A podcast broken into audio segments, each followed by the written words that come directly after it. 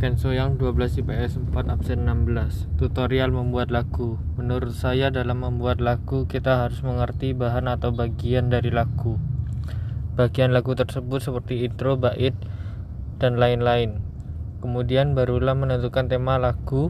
Setelah itu menentukan penggunaan kata atau lirik. Barulah proses pembuatan melodi.